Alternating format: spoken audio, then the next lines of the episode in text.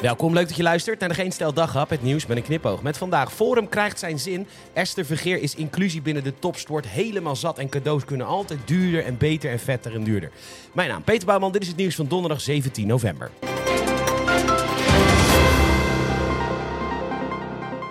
Kijk, natuurlijk zijn ze bij Forum voor Democratie compleet koekwous. En dat weten ze zelf natuurlijk donders goed. En zij willen ontregelen middels taal. En voor ontregelen middels taal gelden precies dezelfde regels als iemand beledigen. De andere kant moet er vervolgens voor kiezen om beledigd te zijn. En die moet zich dan heel erg druk gaan maken. Nou, D66, een partij die ooit stond voor de vrijheid van meningsuiting, wil nu snel even een verbod op Forum voor Democratie. Omdat zij de rechtsstaat zouden ondermijnen. Ja, het is typisch D66. Als een bepaalde groep een mening heeft die niet deugdelijk genoeg is, dan schaffen we die mening gewoon af. Zoals het referendum, feitelijk een mening van het volk, werd afgeschaft door D66 toen het Nederlandse volk iets verkeerd vond over Oekraïne. Eigenlijk zijn ze bij Forum helemaal niet zo koekwous. Ze krijgen precies wat ze willen. De politiek is op weer een onderwerp alleen maar met zichzelf bezig. En dan kan Forum straks weer zeggen dat de partijkartellen alleen maar met Den Haag bezig zijn. Stemmend Nederland is dat inmiddels spuugzat en zo vluchten zij van de middenpartijen naar de flanken van onder andere Forum. En D66 heeft ze daar dan mee geholpen. Of mag ik dat niet zeggen en dreigt er nu een podcastverbod?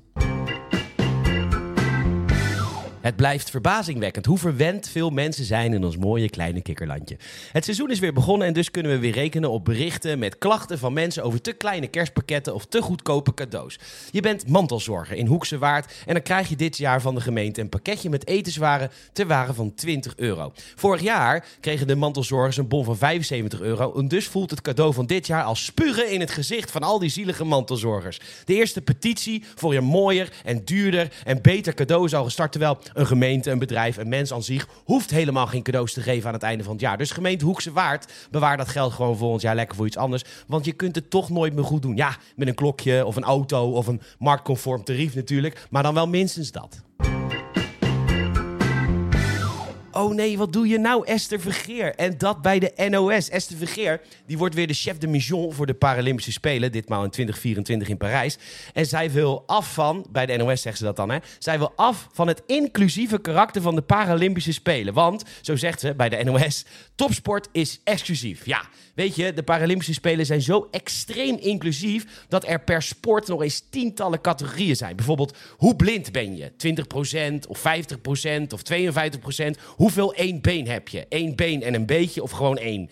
Uh, en hetzelfde met handen en eigenlijk nou ja, met alles. Er zijn zoveel categorieën. En daarom kwamen er tijdens de vorige Spelen allemaal beschuldigingen. Bijvoorbeeld in het zwemmen. Iemand zou niet blind genoeg zijn voor een categorie. Die zou blind spelen.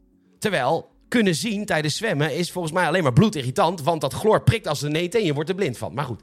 Ze wil dus internationaal een discussie dat er misschien wat minder categorieën komen, zodat niet iedereen kan meedoen. Want zo zegt ze, topsport is exclusief en niet inclusief. Ja, ja, je wordt er stil van als iemand dat zo zegt. Het is wachten op een reactie van de Club voor 50-plussers die zich tiener voelt en dus in D-elftallen wil voetballen en de Vereniging van Plus-Sized Anorexia-patiënten. Het is overal ter wereld te vinden, van India tot Amerika. Producten als champagne, balsamico-azijn of parmaham. Heerlijke producten die beschermd zijn. Het zijn namelijk lekkere streekproducten, dus willen mensen misbruik maken van die naam en het namaken en zo meeliften op het succes van die goede producten. En dus zijn deze producten Europees beschermd. En nu dat, dat schattige Limburg, Noord en Vlaams. Ze willen dat de Limburgse vlaai beschermd wordt. Omdat klaarblijkelijk de Amerikaanse supermarkten natuurlijk vol liggen met de Limburg flan. Ja joh, in Keulen kun je overal die Limburger torten kaufen. In Limburg hebben ze er het volste vertrouwen in dat de Tachte du Limburg, zoals ze in Frankrijk nog nooit van de Limburgse vlaai hebben gehoord, dat ze een beschermde status krijgen. En bij de VRT, dat Belgische medium, want ook daar hebben ze een Limburg, tekenen ze op waar een echte Tarto Limburgo, zoals ze in Spanje nog nooit gehoord hebben van die scheitaart, aan moet voldoen. Het is een verse, goudbruin gebakken ronde taart met een diameter van minimum 10 en maximum 30 centimeter. Ze bestaat uit een bodem, vulling en eventueel een toplaag gevuld met fruit, rijstpap, crème, griesmeelpap, verse kaas, suiker, eivulling of een combinatie ervan. Wat zoveel wil zeggen als alles. Ja, eigenlijk elke taart zonder slagroom is straks een beschermde Limburgse vlaai. En aangezien echte lekkere taart eigenlijk altijd slagroom bevatten, bestel je in Spanje straks gewoon een non-tarto Limburgo, niet Limburgse vlaai, en dan weet je zeker dat je iets lekkers krijgt. Bedankt voor het luisteren. Je zou ons enorm helpen als je een vriend of vriendin vertelt over deze podcast. Je kan ook een review achterlaten, zowel in Apple Podcast als in Spotify. Doe dat even, maak je ons blij. Nogmaals bedankt voor het luisteren. Tot morgen.